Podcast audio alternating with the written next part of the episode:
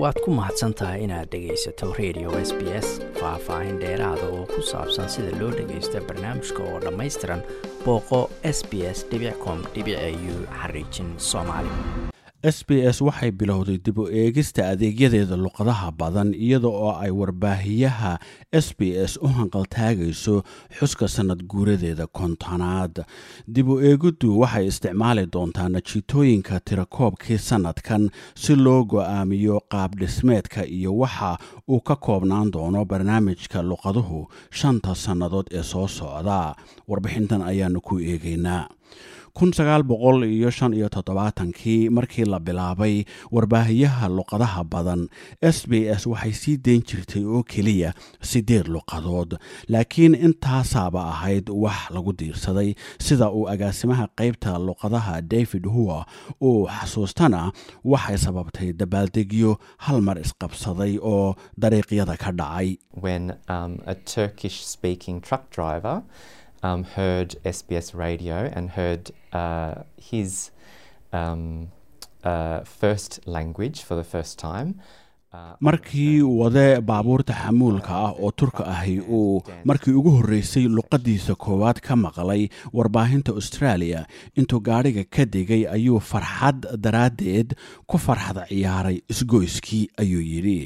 afartan iyo lix sannadood kadib luqadaha kala duwan ee laga tebiyo s b s qaybaheeda kala duwani waxay kor u dhaafeen lixdan luqadood. Laakiin ujeeddada ugu weyni weli waa sideedii taasoo ah in loo adeego baahiyaha austraaliyada dhaqamada iyo luqadaha badan si taas loogu sameeyo sida ugu wanaagsan. S b s waxay dib u eegis ku samaysaa shantii sannadoodba mar barnaamijkeeda luqadaha iyada oo udubdhexaadka koowaad uga dhiganaysaa. Macluumaadka ay ka hesho australian bureau of statistics oo loo soo gaabiyo a b s. David huwana waxa uu sheegay in najiitooyinka tirakoobka qaranka ee sannadkani soo bixi doonaan bisha juun ee sannadka soo socda And when that comes out, that will help us to inform what language services SBS will be delivering.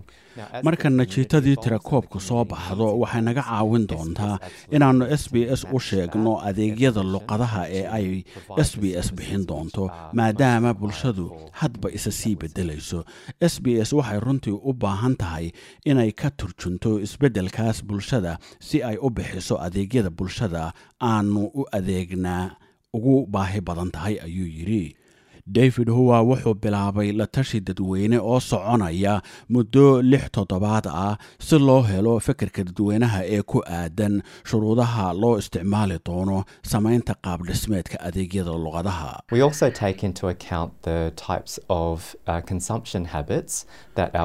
Waxaannu sidoo kale tixgelinaa noocyada baahiyaha ee dhegaystayaashayadu isticmaalaan. ha ahaadaan adeegsiga raadiyaha ha ahaadeen dhegaysiga bodkastka ama ha noqdeen adeegsiga dijitaalka ee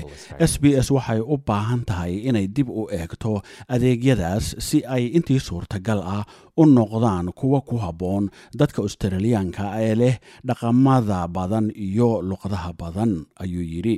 sida laga soo xigtay maxamed al khafaji oo ah madaxa federation of ethnic communities councils of australia waa muhiim in dib u eegistu aanay ku koobnaanin oo keliya bulshooyinka waaweyn ee ay sidoo kale wax u qabato bulshooyinka cusub ee soo baxaya dadkooduna tiro yar yahay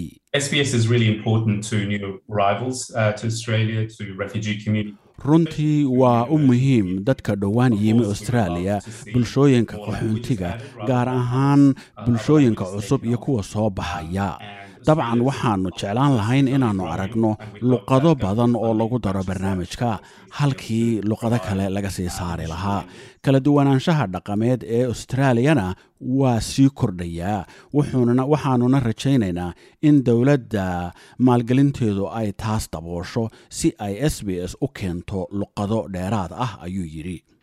david huwa ayaa isaguna sidaas oo kale qaba in aanay mar walba muhiim ahayn in bulshada loo adeegayaa noqoto mid dadkeedu tiro badan yahay the needs of the community. And I'm very, very proud that SBS. isku soo duubo waxay ku saabsan tahay baahiyaha bulshada waxaanuna aad ugu hanweynahay in s b s iyadoo ah adeeg warbaahineed oo dadweyne ay bulshooyinka tiradoodu ka yar tahay dhowr kun oo qof u gudbiso macluumaad ayuu yidhi haka jin oo ah luqad inta badan looga hadlo dowlad goboleedka jin state ee gobolka myanmar iyo lix luqadood oo kale ayaa lagu daray warbaahinta s b s